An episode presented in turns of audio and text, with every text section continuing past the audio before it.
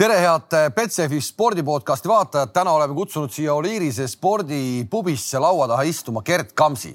kahtlemata Eesti jalgpallilegendi, aga Kamsiga me ei hakka kõiki tema tuhandet või kahte tuhandet mängu läbi arutama, vaid proovime saada vastuse küsimusele, miks on Eestis tore olla jalgpallur, kui on tore olla, mida üks tippsportlane teeb, kui tema karjäär on läbi ja kas Eestis jalgpalli tasub mängida või mitte. tere, Gert.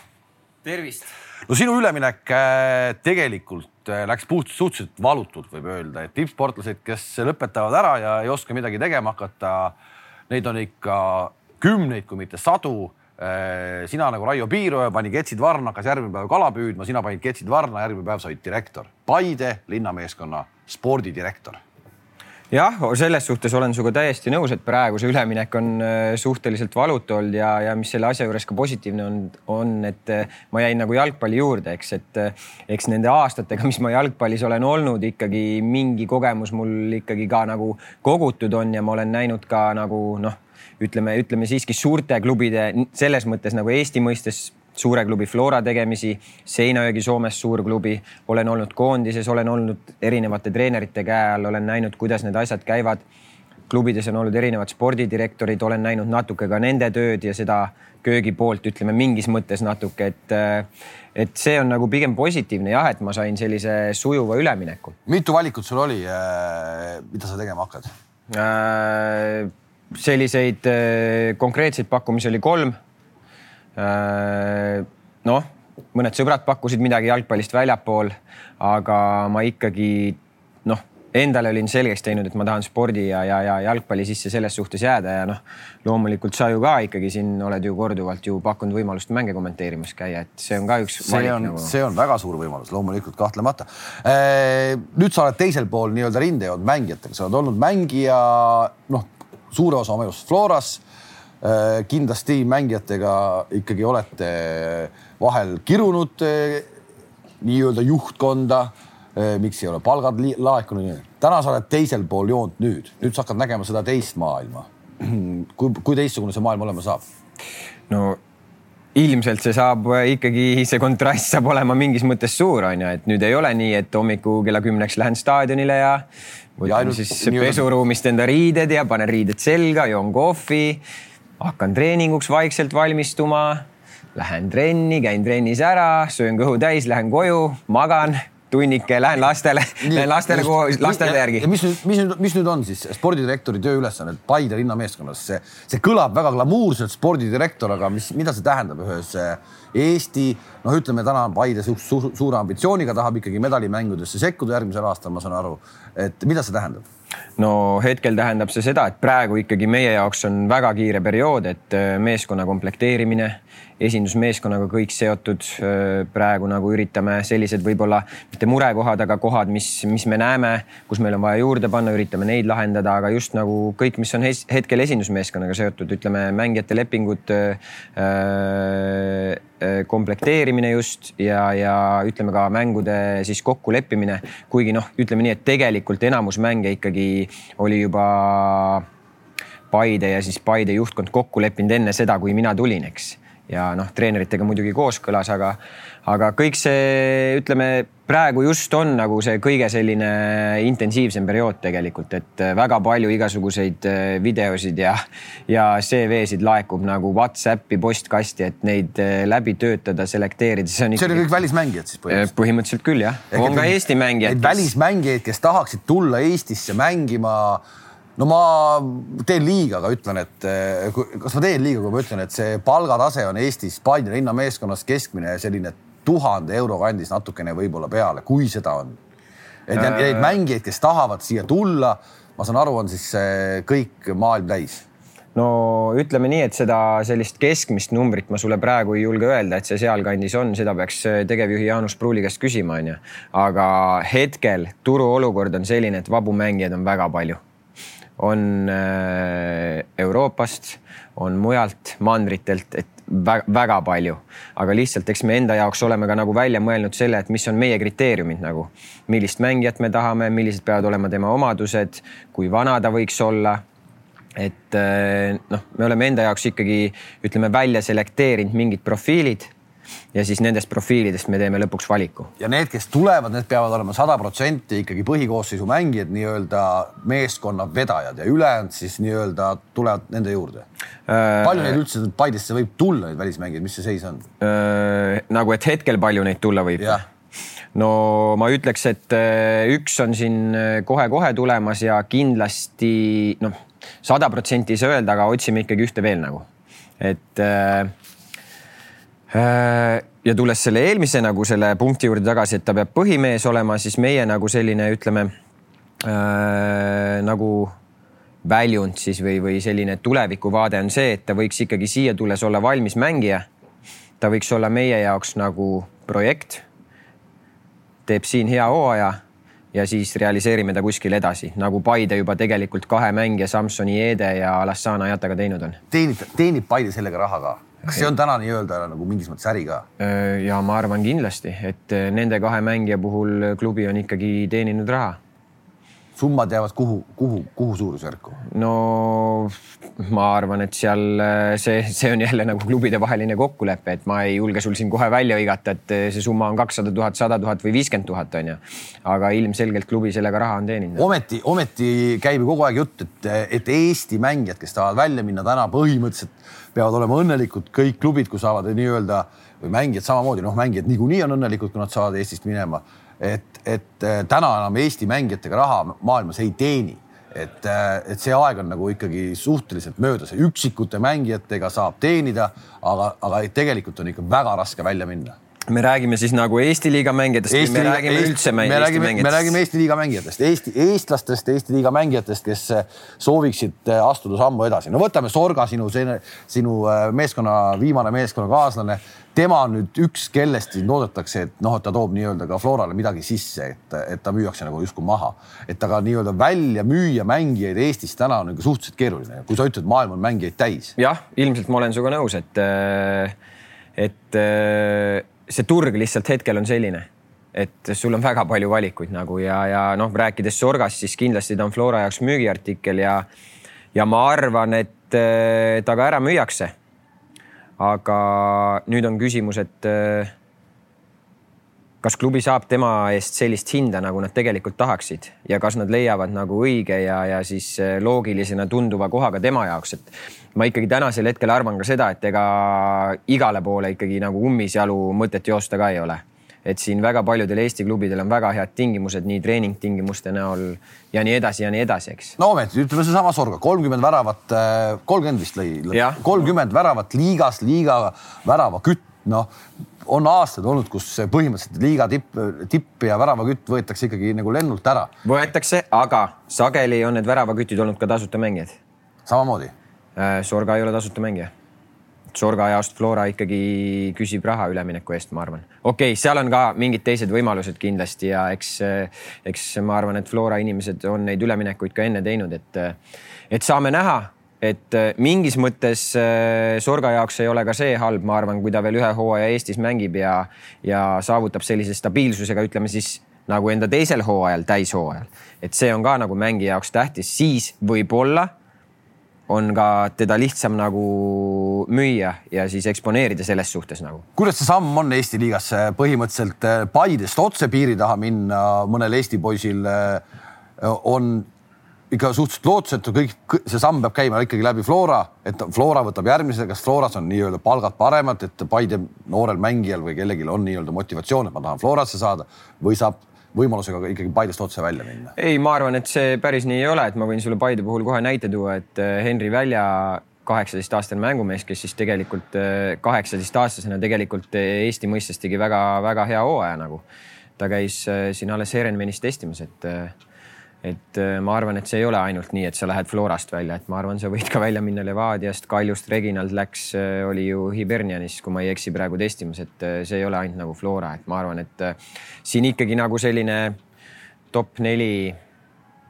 noh, liigitaks ka mingil määral sinna Tammeka, võib-olla Narva, eks, kellelt ka ikkagi mängijad lähevad välja, okei okay otsest nagu konkreetset müüki võib-olla sealt ei toimu, onju, aga kui sa oled vabamängija, siis sul on see võimalus olemas, kui sa oled ennast hästi näidanud ikkagi seleta natukene ära, mingis mõttes Paide on täna juba äh, Eesti liigas äh, selline nagu fenomen.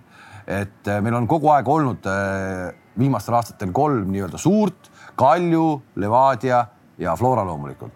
ja no ei ole üldse lähedal ka olnud, et keegi, keegi tuleks ja hammustaks. kuidagi nüüd Paide on tekkinud sinna ja ma saan aru, et see ambitsioon Paidel on ikkagi, ongi üks nendest suurtest näiteks järgmine aasta selja taha jätta ja lõpetada ise esikolmikus. Milles see fenomen seisneb? Kesk-Eesti klubi, kes ikkagi siin äh, on mõned aastad tagasi ka vaakunud nii-öelda väljakukkumise ja, ja, ja püsimajäämise piiri peal. nüüd on teinud sellise, sellise kvalitatiivse hüppe. no ma arvan, et selle kõige taga on ikkagi nii selle klubi juhtkonna kui klubi siis ütleme treenerite, staffi ja mängijate raske töö tegelikult et kui rääkides siis Paide presidendist Veiko Veskimäest, kui ta selle klubi üle võttis, äkki see oli kaks tuhat üheksa aastal, täna on ta siis. sellest on ainult kümme aastat. sellest on ainult kümme aastat, aga, aga noh. Veiko on ambitsioonikas inimene ja, ja ta oskab väga hästi enda inimesi hoida, ta on väga hea juht. ja ma arvan, et need kõik märksõnad on ta ka siis sellesse klubisse nagu toonud ja tal on alati kindel visioon, missioon, ta on missioonitundega inimene, ta tahab Järvamaal jalgpalli arendada, ta tahab, et ka Järvamaalt kasvaksid äh, sirge seljaga noormehed, kes oskavad tere öelda.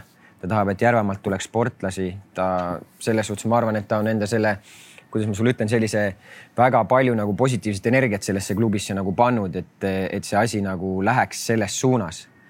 mingi hetk kindlasti see hakkas ka, ma arvan, ise nagu Veiko ja, ja klubi tundis, et näete, et nüüd äh, on selline hetk, et äh, me oleme juba jõudnud sellisesse faasi, et noh, nüüd võiks nagu natuke võib-olla juurde panna, panid natuke juurde, nägid jälle progressi onju. ja, ja tänaseks päevaks äh, neljas koht eelmine hooaeg. sa ütlesid, et äh, tahaks ühe selle suure selja taha jätta, jah, muidugi tahaks äh,, ma arvan ikkagi klubile seda esimest euro kohta saada ajaloolist. noh, see on veel siin ka läbi karikamängude tegelikult õhus on ju. aga ma arvan, et kõigepealt ikkagi on vaja säilitada see stabiilsus suur, suures nagu pildis see stabiilsus, et sa mängidki seal ütleme selline stabiilselt seal äh, esikolmiku, ütleme siis piirimail, et kohe nagu hakata forsseerima ja mingit nagu suurt hüpet teha, eks see tavaliselt vähemalt minu silmis on selline ohtlik no ta ei ole nii-öelda, ta, ta justkui oleks ju stabiilne, et sa nüüd täna, see aasta lõppesid neljandana ja nüüd sa tahaksid ikkagi sammu edasi minna. kui sa järgmine aasta lõpetad viiendana, siis on ju kuidagi ikkagi nagu samm tagasi, et et, et see, see medal võiks ikkagi olla ju, ma arvan, et see on ka ju kindlasti järgmine aasta eesmärk, et see, see ei saa väiksem olla. jah, ma arvan, et see kindlasti on meie jaoks eesmärk, aga ma arvan ka seda ja, ja me oleme ka omavahel rääkinud, et see protsess peab nagu loogiline olema, et, et forsseerides ja, ja nagu kuidagi nagu ainult nagu kinnisideena sellest mõelda, see ei ole õige. Paide eh, Kesk-Eesti sats, kuidas see noortesüsteem seal eh, jaguneb, et Gert Kütt, ma saan aru, on. Gert Kütt on meil noortetöö juht. noortetöö juht. Eh, no see, meil on Türi, meil on Paide, meil on Koeru, Väätsa, päris palju treeninggruppe on, et meil on seal pea nelisada last juba ja, ja nii see värk seal käib. aga esindusmeeskonna äh, finantsiline, sa ütlesid, et eh, Veskimäel on hästi palju positiivset energiat, seda võib palju olla, kui on taskud tühjad, siis eh, on sellest positiivsest energiast võib-olla natukene vähe kasu. kus see, kus see nii-öelda Kesk-Eestis, me kogu aeg kuuleme, et Eesti sureb välja ja kõik lähevad linnadesse ära. kust sellise Paide linnase meeskonna nii-öelda finants tuleb? no ma arvan, et see on ära jagunenud erinevate sponsorite vahel et äh, kindlasti Verston ehitus on üks, äh, kes on siis, ma arvan, kõige suurem sponsor, et, äh, et ja siis ka päris palju on, ütleme selliseid ka Järvamaa ettevõtteid, kes, kes seda meeskonda sponsoreerivad see eelarve ei ole mitte kunagi lähedale ka sellele, mis tegelikult võiks olla nii-öelda täna meie sellel suurel kolmikul, et ta, ta ju jääb selgelt eelarveliselt alla. jah, selles suhtes ma olen sinuga nõus jah tuleme tagasi spordidirektori töö juurde, kui sa oled nüüd teisel pool rindejoont, mis su see nii-öelda sinu sellised otsustamise kohad on, mida sa otsustada võid, mis su, äh, mis su selline vastutus on, et sina otsustad nii, nüüd me läheme niimoodi no ütleme nii, et ikkagi see mängijatega tegelemise pool on äh, mingis mõttes nagu minu otsustada, onju. loomulikult äh, ma ei saa nüüd päris nii, et äh, kui Vjatšeslav Zahovaiko tahab Kalev Kruusi ja, ja, ja siis mina ütlen ei, Kalev Kruusi me ei võta või mina tahan Kalev Kruusi ja Vjatšeslav Zahovaiko ütleb ei, ma ei taha Kalev Kruusi, eks. et eks me ikkagi nagu koostöös seda, seda teeme ja, ja, ja noh mängijate, ütleme just noh, lepingu küsimused ka, et, et milliste mängijatele siis ütleme, millised mängijad lepingutega siduda, samas ka noh, hea näide on siin fitness treener on tulemas meile klubisse, et noh, temaga tegelesin natuke mina ja kui Karle Ancelotti on öelnud lause välja, et iga treener, kes sõlmib lepingu, peab kohe ka kohvri ära pakkima, et äh, ära minna. kas täna oled sina see mees, kes ütleb, kui Zahhovaikol hakkab äh, viltu vedama, loodame, et tal ei lähe, tervitusi Zahhovaikole ka, jooksed hästi terviserajal, ma olen sind näinud küll. et, et sina oled see mees, kes, kes ütleb nüüd ikkagi, et Zahhovaiko, nüüd on aeg minna. no ilmselt pean olema jah sa oled valmis sellisteks asjadeks? no kui ma selle töö vastu võtsin, eks mulle ikkagi ju selgitati mu tööülesanded, et et eh, jah, ma olen teadlik sellest, aga, aga ma arvan ka, et, et Slava ikkagi on selles suhtes väga juba ütleme nii meistriliigas kogenud treener ja, ja loodame väga, et sellist olukorda tekkima ei pea. sa oled eh, karjääri jooksul mänginud, eh, ma ei teagi, üle neljasaja või viissada mängu Floras ja midagi üle neljasaja äkki, kui kõik need. kui ma vaatan viimast hooaega, kaksteist väravasöötu, kolm väravat vist oli lõpuks oli. Äh, ja viimases nii-öelda lahkumismängus Kuressaare vastu veel hoopis ilusti tuli välja kõik asjad. miks sa üldse lõpetasid, tegelikult sa oleks võinud ju veel, mulle kuidagi tundub, et sa nagu läksid kogu aeg aina nagu paremaks, et äh, ma kindlasti ei ütle, et su äh, karjääri kõige halvem aasta oli see viimane, et, et oleks pidanud lõpetama. kõige halvem ta kindlasti ei olnud ei, kõige halvem ta kindlasti ei olnud ja sa ei ole esimene inimene ka, kes küsis, et miks ma nagu lõpetasin, aga, aga ma arvan, et ma nagu mingis mõttes olen ka selle varem välja öelnud, et ma nagu olin enda jaoks selgeks teinud karjääri jooksul selle, et ma tahan lõpetada nagu omadel nagu tingimustel, eks. Ma ise nagu võtan selle otsuse vastu, ütlen nüüd nii on noh, et nüüd on nagu kõik, eks ütleme, et tegelikult äh, kaks tuhat seitseteist aasta oli minu jaoks võib-olla sihuke keeruline aasta selles mõttes, et mul olid tervisega seal mingid probleemid, noh, ma ei mäleta, palju ma seal mänge mängisin, võib-olla pooled mängud mängisin liigas nagu. no ja see mäng ei olnud nagu päris see, see oli ikkagi nagu arvestades seda eelnevat nagu sellist ütleme mängu, mida ma mänginud olin, et see oli selline väga. mälupildis oli asi palju parem. just, just, et, et see oli kuidagi selline tead noh, nii rõõba, nii meassa onju ja, ja no ütleme, et sel perioodil juba tegelikult ma nagu natuke hakkasin ka sellele mõtlema. Äh, noh, ma olin ka selleks valmis, et võib-olla nagu noh, võib-olla klubi ei olegi minust nagu huvitatud sellisel kujul enam, et ma noh, nagu tõesti, ma ei olnud nagu päris see nagu ja. aga siis ikkagi klubi nagu pakkus mulle lepingut ja ma nagu ise nagu otsustasin, et okei okay,, et nüüd noh, põhimõtteliselt mind on pikali nagu löödud onju ja ma tõusen sealt püsti ja. ja ma arvan, et tegelikult kaks tuhat kaheksateist ma tegin kohe otsa nagu päris hea hooaja, et korralik ettevalmistus ilma vigastusteta, ilma probleemideta päris hea hooaeg. Äh, noh, siis äh, jõudis jälle kätte see aeg, kui hooaeg läbi oli, eelmine aasta me jäime ju noh, kolmandaks lõpuks, eks aga see eelmine hooaeg nagu läks päris hästi ja siis ma ütlesin, okei okay,, et ma teen ühe veel, et äh, noh, mõtlesin ka natuke nagu sellisele igasugustele erinevatele asjadele, vanusele ja kõigele onju. et seda hooaega nüüd kaks tuhat üheksateist hooaega alustasin ka nii, et Ahilkaga oli mingi põletik ja siis tead, mingeid probleeme nagu oli, aga okei okay, ma ütlesin palju korda seal Ilo Rifkile ka, kes see hetk oli meie nagu ütleme siis äh, äh, fitness treener ja kes tegeles ka vigastatud mängijatega ja ma ütlesin ka seda Jürgen Hennile, et, et noh, kolmekümne nelja aastasena onju, kui sa oled ettevalmistuse ajal vigane, ma ju tean, et mul ei ole neid mängijate päevi väga palju jäänud, onju. ma tõesti ei viitsi seda, selle trenažöö, selle jalgratta trenažööri peal seda Tour de France'i seal sees vändata, nagu see ei ole väga kihvt nagu jalgpallurile, et, et ma arvan, noh, igasuguseid neid, ütleme siukseid väikseid detaile on nagu lõpuks päris palju, eks ja ütleme, et siin suve, suve lõpus, siin sügisel ma ikkagi järjest see, see hooaeg ma järjest rohkem ja rohkem mõtlesin sellele, et, et äkki nüüd oleks aeg nagu. et äh, mingis mõttes mul oli seda sisemist põlemist veel olemas, aga samas ka, kui sul kaob see natuke sihuke liblikate tunne kõhust ära enne mänge, siis see nagu on minu jaoks nagu mingi märk nagu. no ikkagi see, aga seesama liblikate tunne äh see on selles mõttes natuke no, fenomenaalne, et kui sa ikkagi, sinu väljas käimised olid karjääri jooksul sinna Soome Seinäjokisse ja siis sa olidki põhimõtteliselt nagu Flora mees yeah.. et, äh, et no kuidas see liblikas ikkagi on sul nagu kü üle kümne aasta äh, nagu sees, eriti kui sa mängid Eestis, kliima on, ütleme otse välja, sitt. Äh, publikut ei ole Äh, kogu aeg tuleb äh, sellist negatiivset äh, nii-öelda nalja Eesti jalgpall, et see on kõike muud kui jalgpall, et see on kõik muud asjad on, on sarnasemad. et, et kuidas need liblikad sul ikkagi sees on, no näed, tahe jalgpalli mängida lihtsalt on nii suur, no ütleme, et tegelikult ju ei saa öelda siin viimase aasta puhul, et publikut ei olnud, et ma arvan, kogukonnajuhid on äh, liigale nagu liigale, liiga jaoks nagu väga suure ära, töö ära teinud, et noh, sa ju ise käisid seda, noh, okei okay,, Eintracht Frankfurdi mäng on teine asi, on ju, aga ma ju nägin, et sa ju noh, olid ju staadionil ju ja no. ei, ma, ma ei seda küll okay,, ma pean, ma pean tunnistama, viimane aasta ma tõepoolest olen hakanud Eesti Eesti liigat äh, ikkagi jälgima ja seal on mingisugune, mingisugune asi toimunud, mingi nihe on toimunud, aga ikkagi kogu see negatiivne kama, mis selle Eesti jalgpalli, eriti koduse jalgpalli ümber käib ah tead, mina, ma nagu tegelikult läbi karjääri, ega ma väga seda sellist äh, kogu aeg sellist äh, negatiivset soiumist, ega ma väga ei, isegi ei viitsi sellesse süveneda, et Äh, las koerad hauguvad, karavan lõpuks liigub ikka edasi, noh et aga seesama jutt, mida näiteks ütles hiljuti üks väga lugupeetud käsipallitreener Kalmer Musting, et sportlane olla täna Eestis ei ole enam populaarne. Et, et noortele taotakse seda pähe, seesama negatiivne kama, mis kogu aeg käib selle Eesti, Eesti jalgpalli ümber.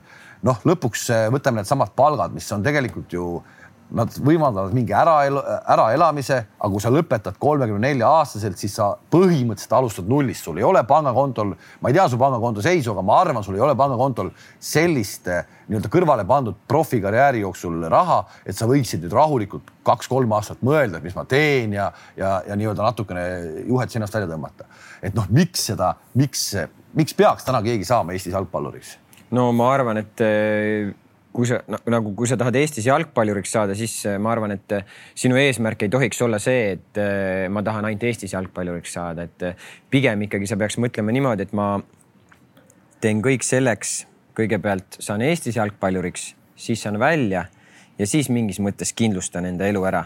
jalgpallur, nagu ka Aivar Pohlak on öeldud, on selline päris nõutud ikkagi ja prestiižne töökoht nagu, kui sa nagu mõtled sellele. ja minu arust see ütlus nagu on äh, selles mõttes väga huvitav, et noh, võtame kasvõi Ragnar Klavani onju. ma Liverpoolis mees mängis nagu, ma käisin tal seal paar korda külas, ma nägin nagu, mida see tähendab, nagu see me ei, me ei oska tegelikult seda siin aduda nagu. sinu, sinu enda sõber Ragnar Klavan on öelnud oma äh, enda äh, enda karjääri kohta äh, minu arust Eesti spordis, ma olen seda varem ka öelnud, ühe vägevama lause. ta tahab oma karjääri jooksul äh, teha kõik nii, et kui tal on karjäär läbi, et ta ei saaks mõelda äh, tagasi kasvõi ühele minutile oma karjääri jooksul, et oleks võinud selle minuti rohkem pingutada. ehk et ta nii-öelda on üles ehitanud selle, et mitte üheski kohas ta järgi ei anna.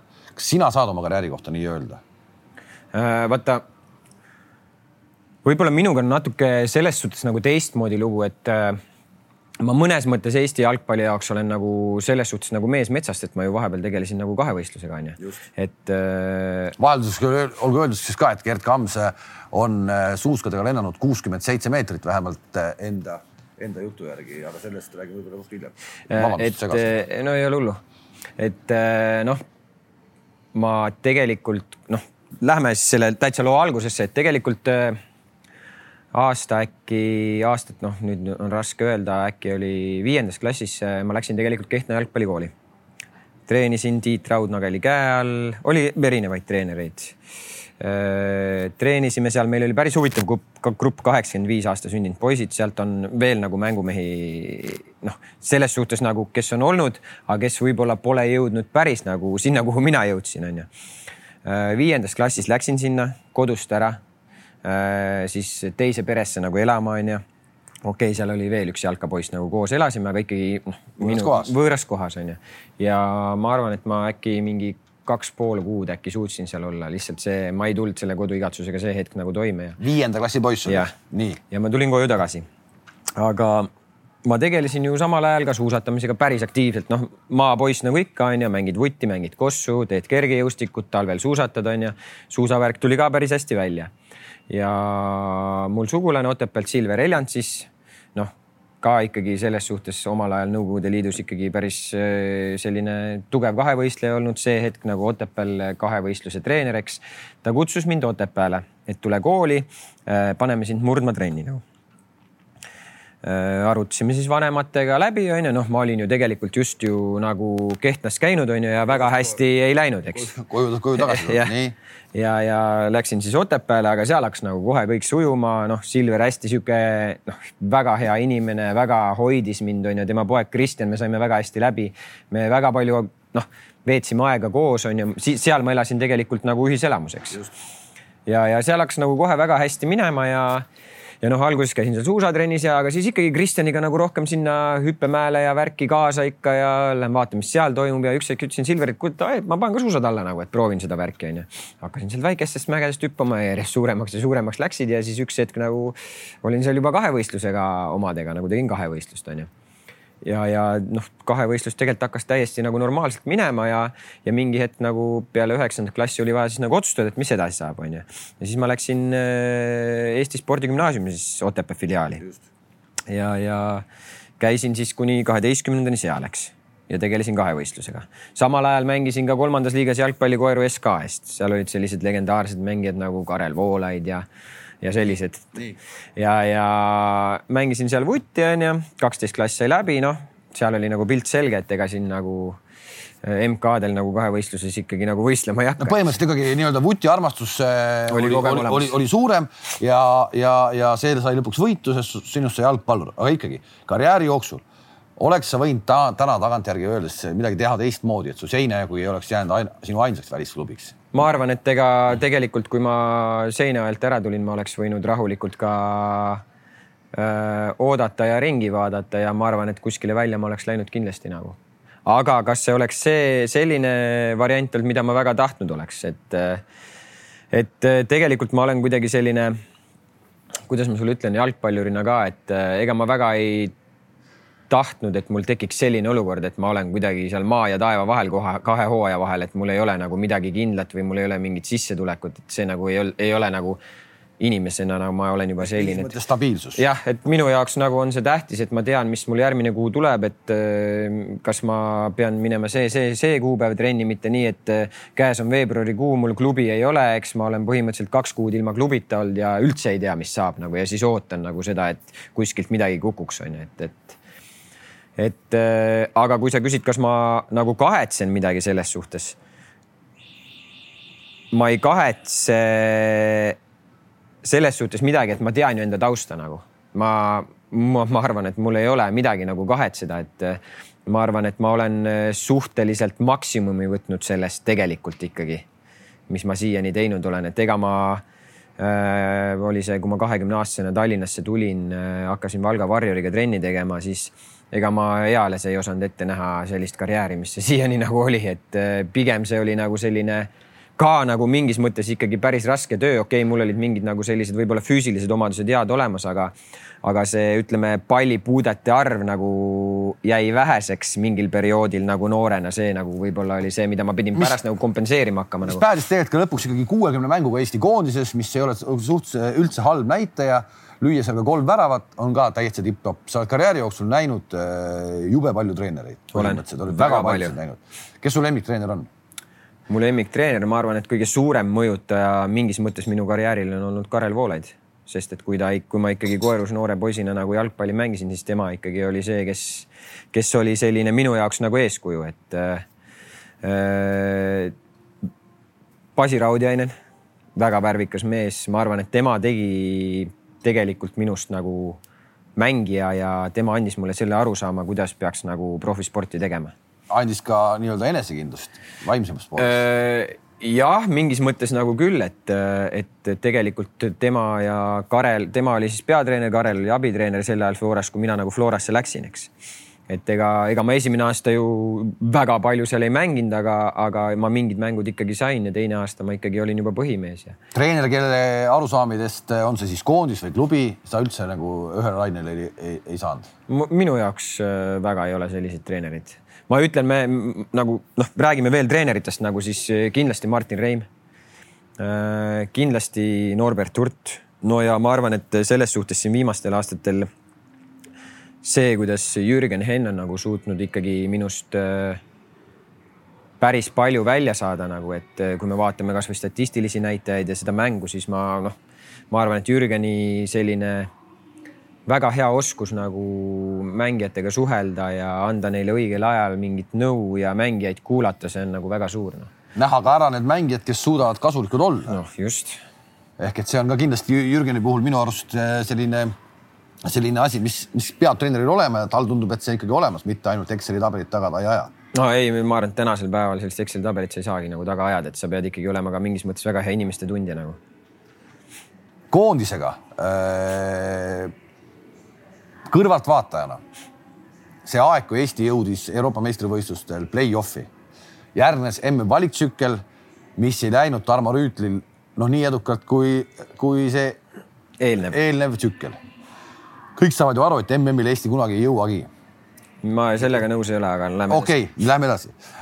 ja siis tuli uuesti EM-valiktsükkel peale ja meile tuli Magnus Pärson peatreeneriks. ja lihtsalt eh, väga palju selle peale mõeldes mulle tundub, et äh, me ei saa seda mitte kunagi loomulikult teada. kas sina oled selles paadis, kes ütleb, et Rüüt oleks võinud panna veel ühe tsükli seda EM-i kaasa ja äkki oleks siis EM-il uuesti õnnestunud või, või mitte? no kuidas ma sulle nüüd seda ütlen? ma, ma pigem olen selles paadis, et äh, Tarmo oleks võinud jätkata see hetk. et ma arvan, et äh, et eks igal treeneril on ju oma nagu mingid tõusud ja mõõnad. absoluutselt, seda enam, et seal tuli see MM-tsükkel vahele, et ja nii. meeskond ju muutub ja kõik nagu muutub ajas, et noh, ma arvan, et mina arvan, et Tarmo oleks võinud jätkata, jah. kuidas äh,, kuidas see, kui tulevad sellised kaotused null kaheksa koondisega, eks ole, ja siis tuleb tund aega pärast mängu on juba artiklid üleval, kuidas mehed on äh, lohvid, ei pinguta, ei taha ja nii edasi. ometi me ju teame, et tegelikult see tegelikult ju ei ole nii, et ei taha, lihtsalt see, võtame sellesama katastroofilise null kaheksa Saksamaale, siis see tasemevahe paraku, paraku lihtsalt oligi sellel hetkel selline, ehk et te ju üritasite, aga need kiirused on teistsugused. Kuidas te selle negatiivse kõik omavahel nii-öelda läbi, läbi pesete? no ega ses suhtes, ega see lihtne ei ole nagu ega noh, peale mängu ikka riietusruumis täielik nagu haudvaikus ja, ja buss sõidab hotelli tagasi, ega seal see meedia lugemine, see meedia lugemine, just see, et tuleb, tuleb artiklid, millega sa ilmselgelt ei saa rahu, nii-öelda nõus olla. no ega ma ütlen veelkord, et ega ma väga palju seda negatiivset nagu ei loe nagu, et ega mis ma sellest siis nagu lõpuks saan, onju et aga, aga lõppkokkuvõttes need inimesed, kes kodus tugitoolis istuvad ja igasuguseid hinnanguid annavad, noh, ma ei tea. no räägime ära selle näiteks seesama miks te ei kehtesta ennast väljakul, miks te ei tee viga Saksamaa vastu? Nonii, väga hea, et sa seda küsisid, ma no. olen juba ammu oodanud, et keegi seda no, küsiks. Äh, Saksamaa vastu. toon sulle hea näite, mängin paremas äärepoolikus, Ilkay Gündogan saab palli, ma olen tast kolme meetri kaugusel, kui ta palli saab. Kolme meetri kaugusel. kolme meetri kaugusel. kolme meetri kaugusel. sina, kes oled Min... füüsiliselt heas vormis mees. nii, nii.. üritan talle pressingusse minna, ta söödab palli ära kas see on okei okay,, kui ma kaks sekundit hiljem Ilkay Gündoganil järsku siis jalgadesse sõidan? no see iga ju jalgpalli mängiv inimene saab ju sellest aru, et see ju ei ole ju reaalne. me lihtsalt jäimegi kõikidesse olukordadesse lootusetult hiljaks ja seal nagu vigu raiuma hakata ja nagu ebasportlikult käituma, kas see oleks lahendus olnud? Me ei see... jõudnudki pressingus neile lähedale, me ei jõudnudki lähedale, me ei jõudnud isegi viga minna tegema me ei jõudnud pressingus lähedale kiirus... ma ei tee ju ilma pallita mehele lambist viga. ehk see on punane kaart, ehk et kiirused on niivõrd, niivõrd teised. nojah, või kui sa võtad selle koondise, Saksamaa koondise, kui me vaatame, kus nende mängijad igapäevaselt mängivad, Bundesliga, Premier League, eh, Itaalia liigas, ma arvan, ei mängi ühtegi venda. Bundesliga, Premier League, noh nädalast nädalasse pannakse. enne seda mängisid Valgevenega võõrsil, võitsid. Meedia kirjutab, Jürgen Klinsmann räägib, me lööme vähe väravaid. meil on järgmises mängus vaja rohkelt väravaid lüüa. noh tullakse ja tehakse. tullakse ja tehakse ja, ja no seal mängus oli ju näha, et ega seal ju mingit nagu sellist hetke ei tekkinud, et nad oleks äh, nagu selle jala gaasipedaalilt maha võtnud, et. aga sellised mängud, äh, kas sellised mängud äh, kuidagi ei mõtle, et kurat, miks ma seda asja teen? ei noh, niimoodi see ei mõtle, noh, eks ma ütlen, et igasugust nagu noh, mingeid mõtteid ikka tekib, et nagu, et nagu noh ega see hea tunne ei ole, ma ütlen ausalt nagu, et äh, see sööb seest ikka päris kõvasti nagu, aga samas ma arvan, see järgmine mäng, mis me siin Saksamaaga kodus panime, noh, see oli ikkagi nagu midagi muud ja siis toob täiesti teistsuguse positiivse energia. minu jaoks oligi täna sellel aastal nagu, see on just hea, et Flora mängis äh, nagu Frankfurdi Eintrachtiga mängis seda eurosarja ja ma pean tunnistama tõesti, et, et staadionil oli jälle üle pika aja sellist, sellist vaibi, kus sa nagu tundsid, et, et, et mängitaksegi jalgpalli ka Flora poole pealt, et see oli minu arust üks, üks viimaste aastate kõige lahedamaid asju oli see Flora eurosarja teekond Frankfurdi Eintrachtiga, mis küll lõppes, aga ikkagi jah, ma pean sinuga nõustuma jah, ka nagu mängijana, kui sa ikkagi lähed väljakule ja, ja sul on äh, pea üheksa tuhat inimest staadionil nagu just nagu Eesti, ütleme klubi mängul siis nagu ja kodus. see on, see annab erilise tunde nagu ja ma just äh, peale seda teist mängu, ütleme Eintrachtis, kui me mängisime, ma ei mäleta, palju seal pealtvaatajaid oli, igatahes nagu oli palju, eks et äh, kui sa näed nagu kolm tundi enne mängu juba või kaks tundi enne mängu seal inimesed kogunevad staadionil ja mis pidu seal staadioni ümber nagu käib nagu ja siis sa lähed mängima, siis need kõik inimesed on staadionil. pärast seda mängu helistasin äh, just Ragnar Klavanile, ütlesin, et kuule, et ma ei tea, et äh, kui sa nagu mängid sellise nagu inimmassi ees onju, et sa nagu ei saagi nagu halvasti kuidagi nagu mängida, sihuke tunne on onju. ja siis Raku ütles ka, et noh, mis harjud ära sellega, et. Äh, kindlasti, noh kindlasti. harjud ära sellega ja siis, ja siis. kui sa teed nädalast nädalasse seda asja, siis tekib ka igas, igas asjas tekib rutiin, eks mm., aga, aga just äh, Flora-suguse meeskonna jaoks näha, et tegelikult see päris maailm on, ongi selline mm. ehk et see võiks olla ju tegelikult ikkagi nüüd sinule enam mitte, aga noortematele meestele ikkagi just seesama vastus küsimusele, miks jalgpalluriks võiks ikkagi tegelikult saada. noh, muidugi et see ükskõik see, see, mis seal Saksamaal muidugi toimub, see on üldse nagu minu jaoks nagu ka nagu erakordne selles mõttes, et kõik põhimõtteliselt äh, meeskondade mängud on välja müüdud, staadion on täiesti täis inimesi, et, lõpuks, kui sa sinna jõuad, siis, äh, siis, siis sa saad nagu sellest aru, miks sa seda tööd teinud oled, aga, aga ma arvan, et sinna jõuda selleks ikkagi tänasel hetkel nagu peab äh, esiteks kõvasti endaga vaeva nägema ja ma arvan ka endasse investeerima selles suhtes, et äh, ma pigem arvan, et see tähendab seda, et sul peab olema mingil hetkel selline võib-olla eratreener, kui sul on võimalus kahe hooaja vahel tegeled iseendaga mingite nõrgemate küljega, olgu see siis füüsiline pool, äh, noh, kiirus, tehnika, kõik sellised asjad, et äh, muidugi nagu mängijana, kui sul on mingid omadused, ma arvan ka seda, et kui sul on üks hea omadus, siis sa pead seda kogu aeg lihvima, et see oleks perfektne nagu kui sul on hea üleaste, siis äh, peale trenni teed kakskümmend korda seda, lähed seal, ma ei tea, mannekenist või mingist asjast mööda, aga sa lihvid seda kogu aeg. et, äh, et ma, ma arvan, et tänasel hetkel. nii, niimoodi piiri taha ei saa, et kui treener vilistab, mäng on läbi või trenn on läbi, et sa lähed koju, võtad äh, Playstationi, mängid Playstationi, järgmine päev lähed trenni ei, ma, ei ma ei, võimalik on kindlasti nagu, on ka selliseid mängijaid, ma arvan, aga lõpuks see lõpeb suht kiiresti, ma, ma, ma ei usu, et see, see arusaam nagu, et sa, kui sa juba piiri taha lähed, et ma siis tööd hakkan tegema, siis on hilja juba. Lastevanemate personaalne töö siis ikkagi ka nii-öelda trenniväliselt lastega, mitte nii, et no Margo Kristal on siin võtnud äh, hiljuti sõna teemal, et et lapsed tuuakse, noh, sellest on palju räägitud, aga noh, et lapsed tuuakse trenni, öeldakse, tehke nüüd nendest jalgpallur, viiakse ära Eh, hoovijalgpalli ei ole, eh, muud sporti ei tehta, muu sport selle juures, sinul kahevõistluse taust on ülimalt tähtis. Äh, mingis mõttes küll jah, ma arvan ka selline, ütleme ka kergejõustiku taust mingis mõttes, et ma ikkagi kooli ajal äh, tegelesin väga palju erinevate kergejõustikualadega ka, tegime seal kümnevõistlust ja jooksu ja aga, aga võib-olla jah, selline just nagu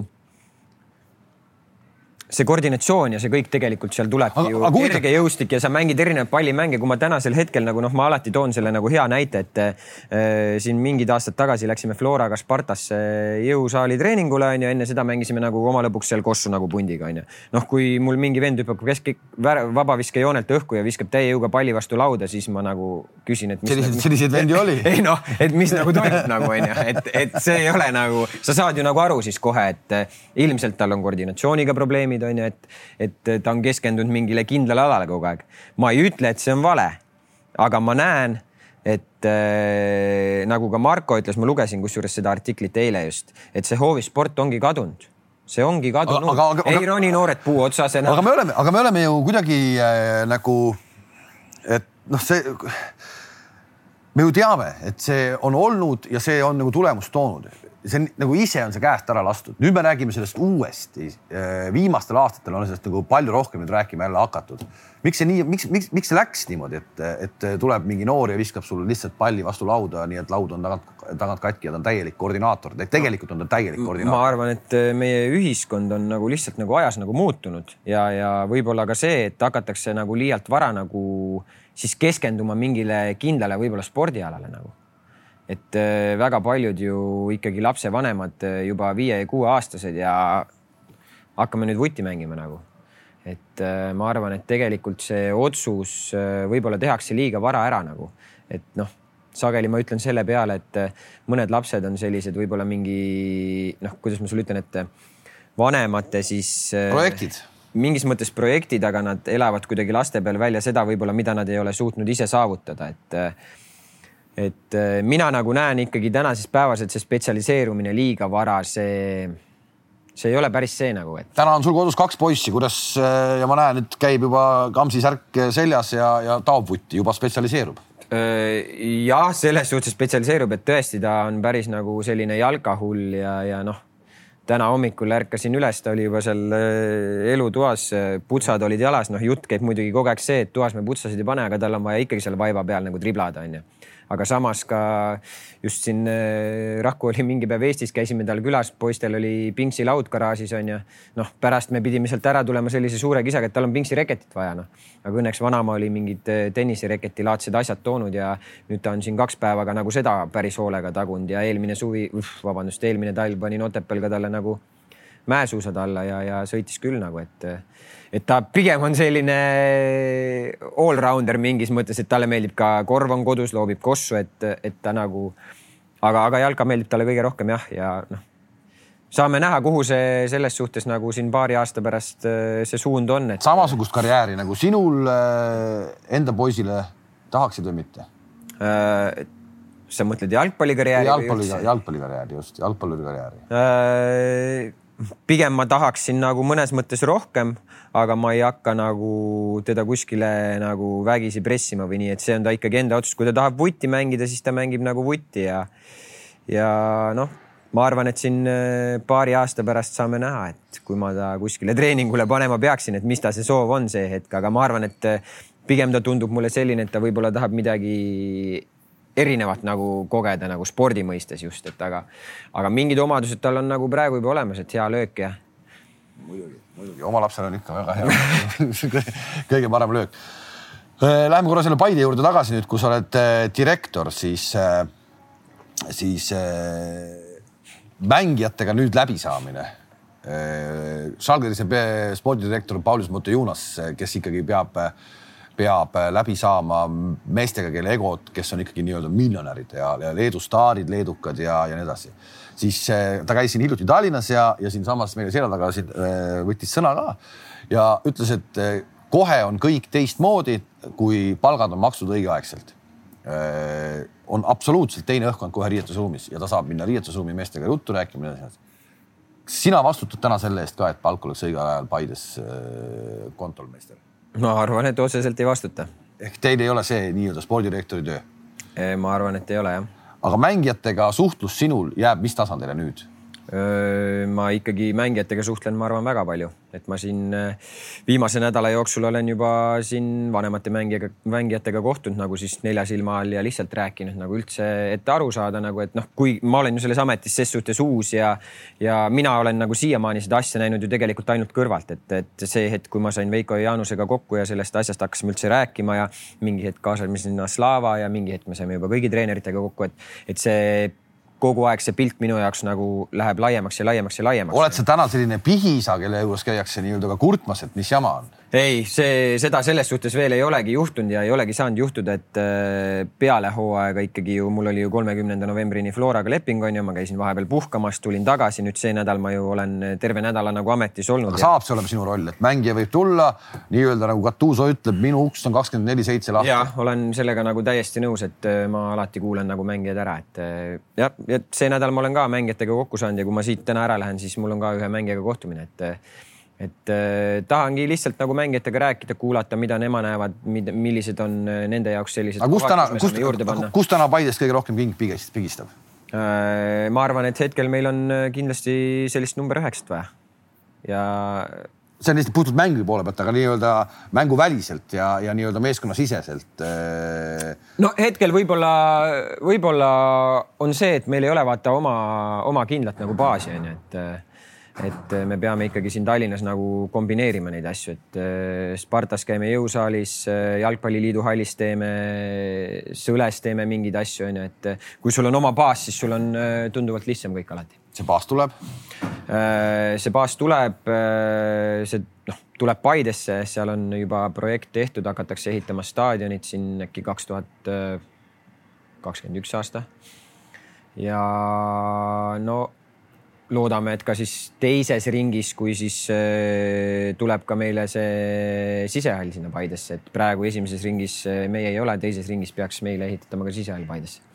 lepingute koostamine, ettevalmistamine mängijatega on sinu oma või on see ikkagi?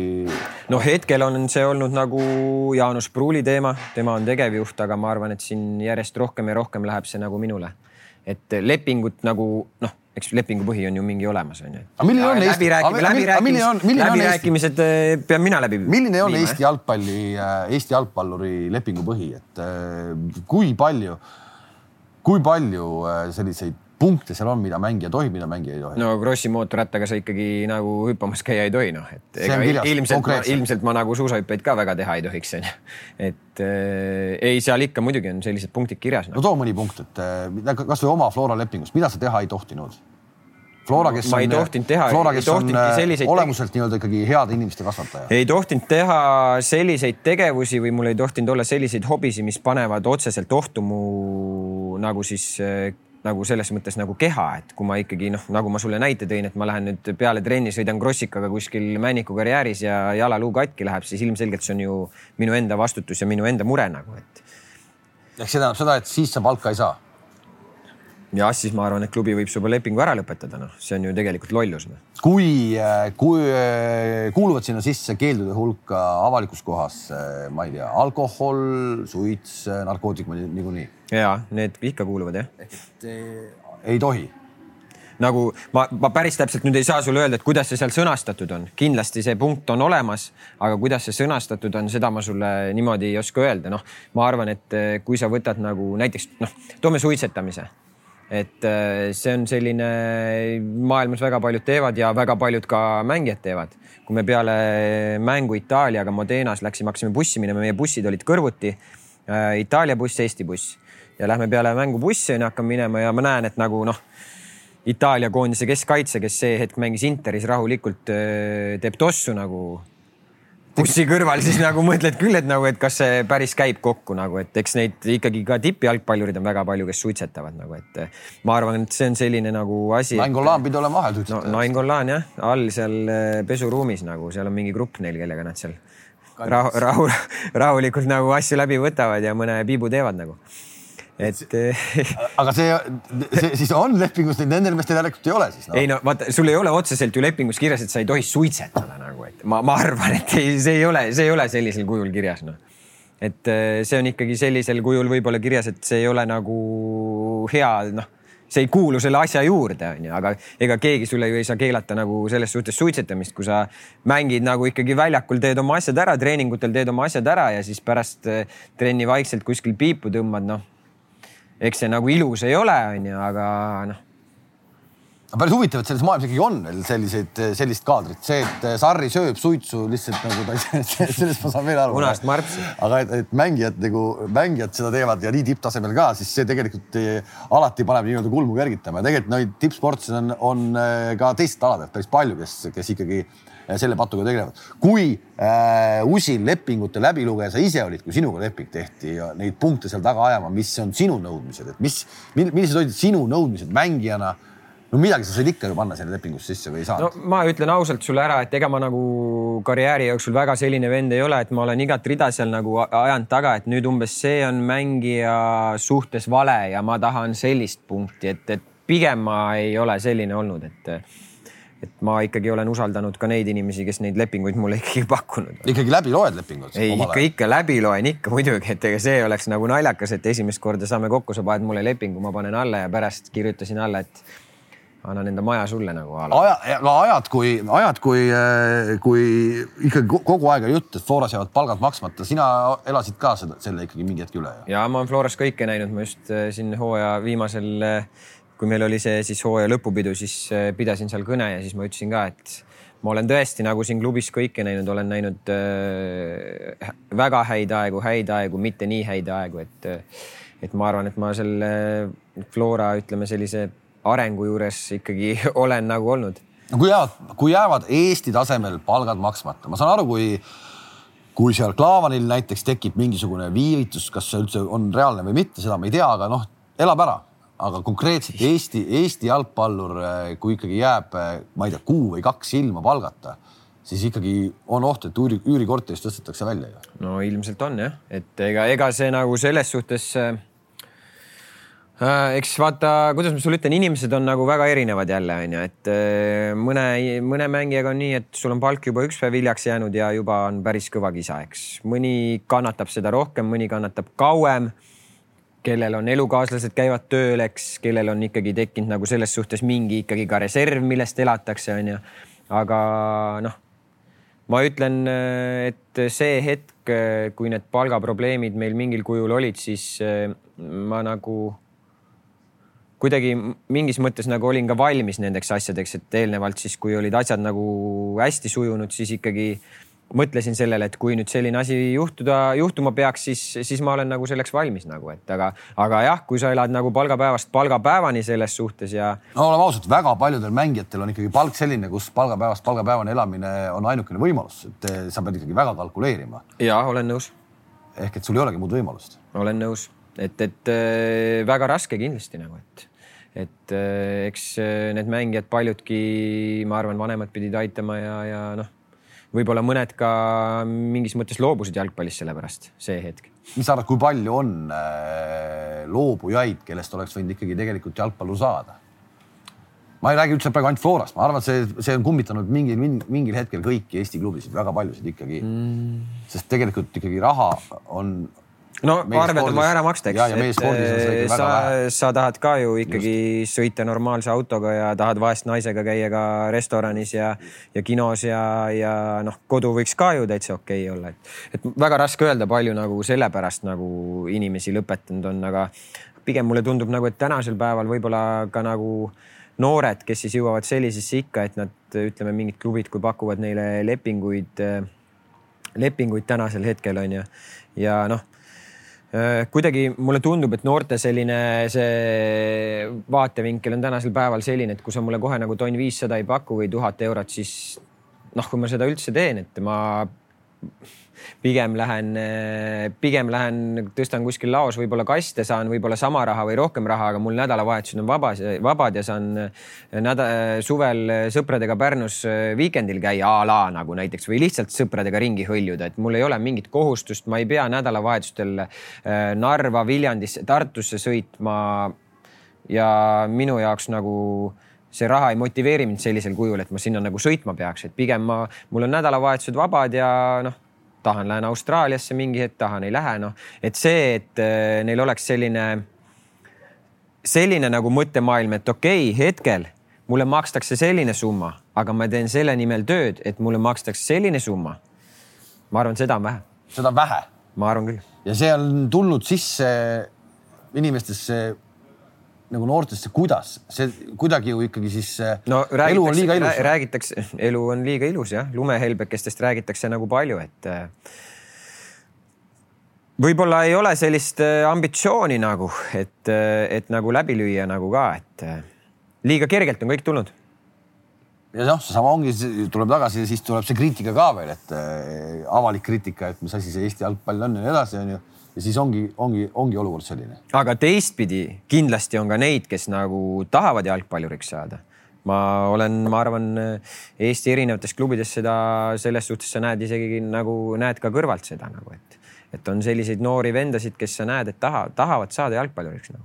Aivar Pohlak ütles äh, selles samas äh, jutusaates, mida me siin teeme Eesti jalgpalli kõige halvem asi, üks on kliima ja teine asi on noorte töö mis ei ole ikkagi ilmselt täna, täna sellisel tasemel, nagu ta võiks olla. ehk seesama jutt, massid mängivad jalgpalli, aga mängijaid peale ei tule.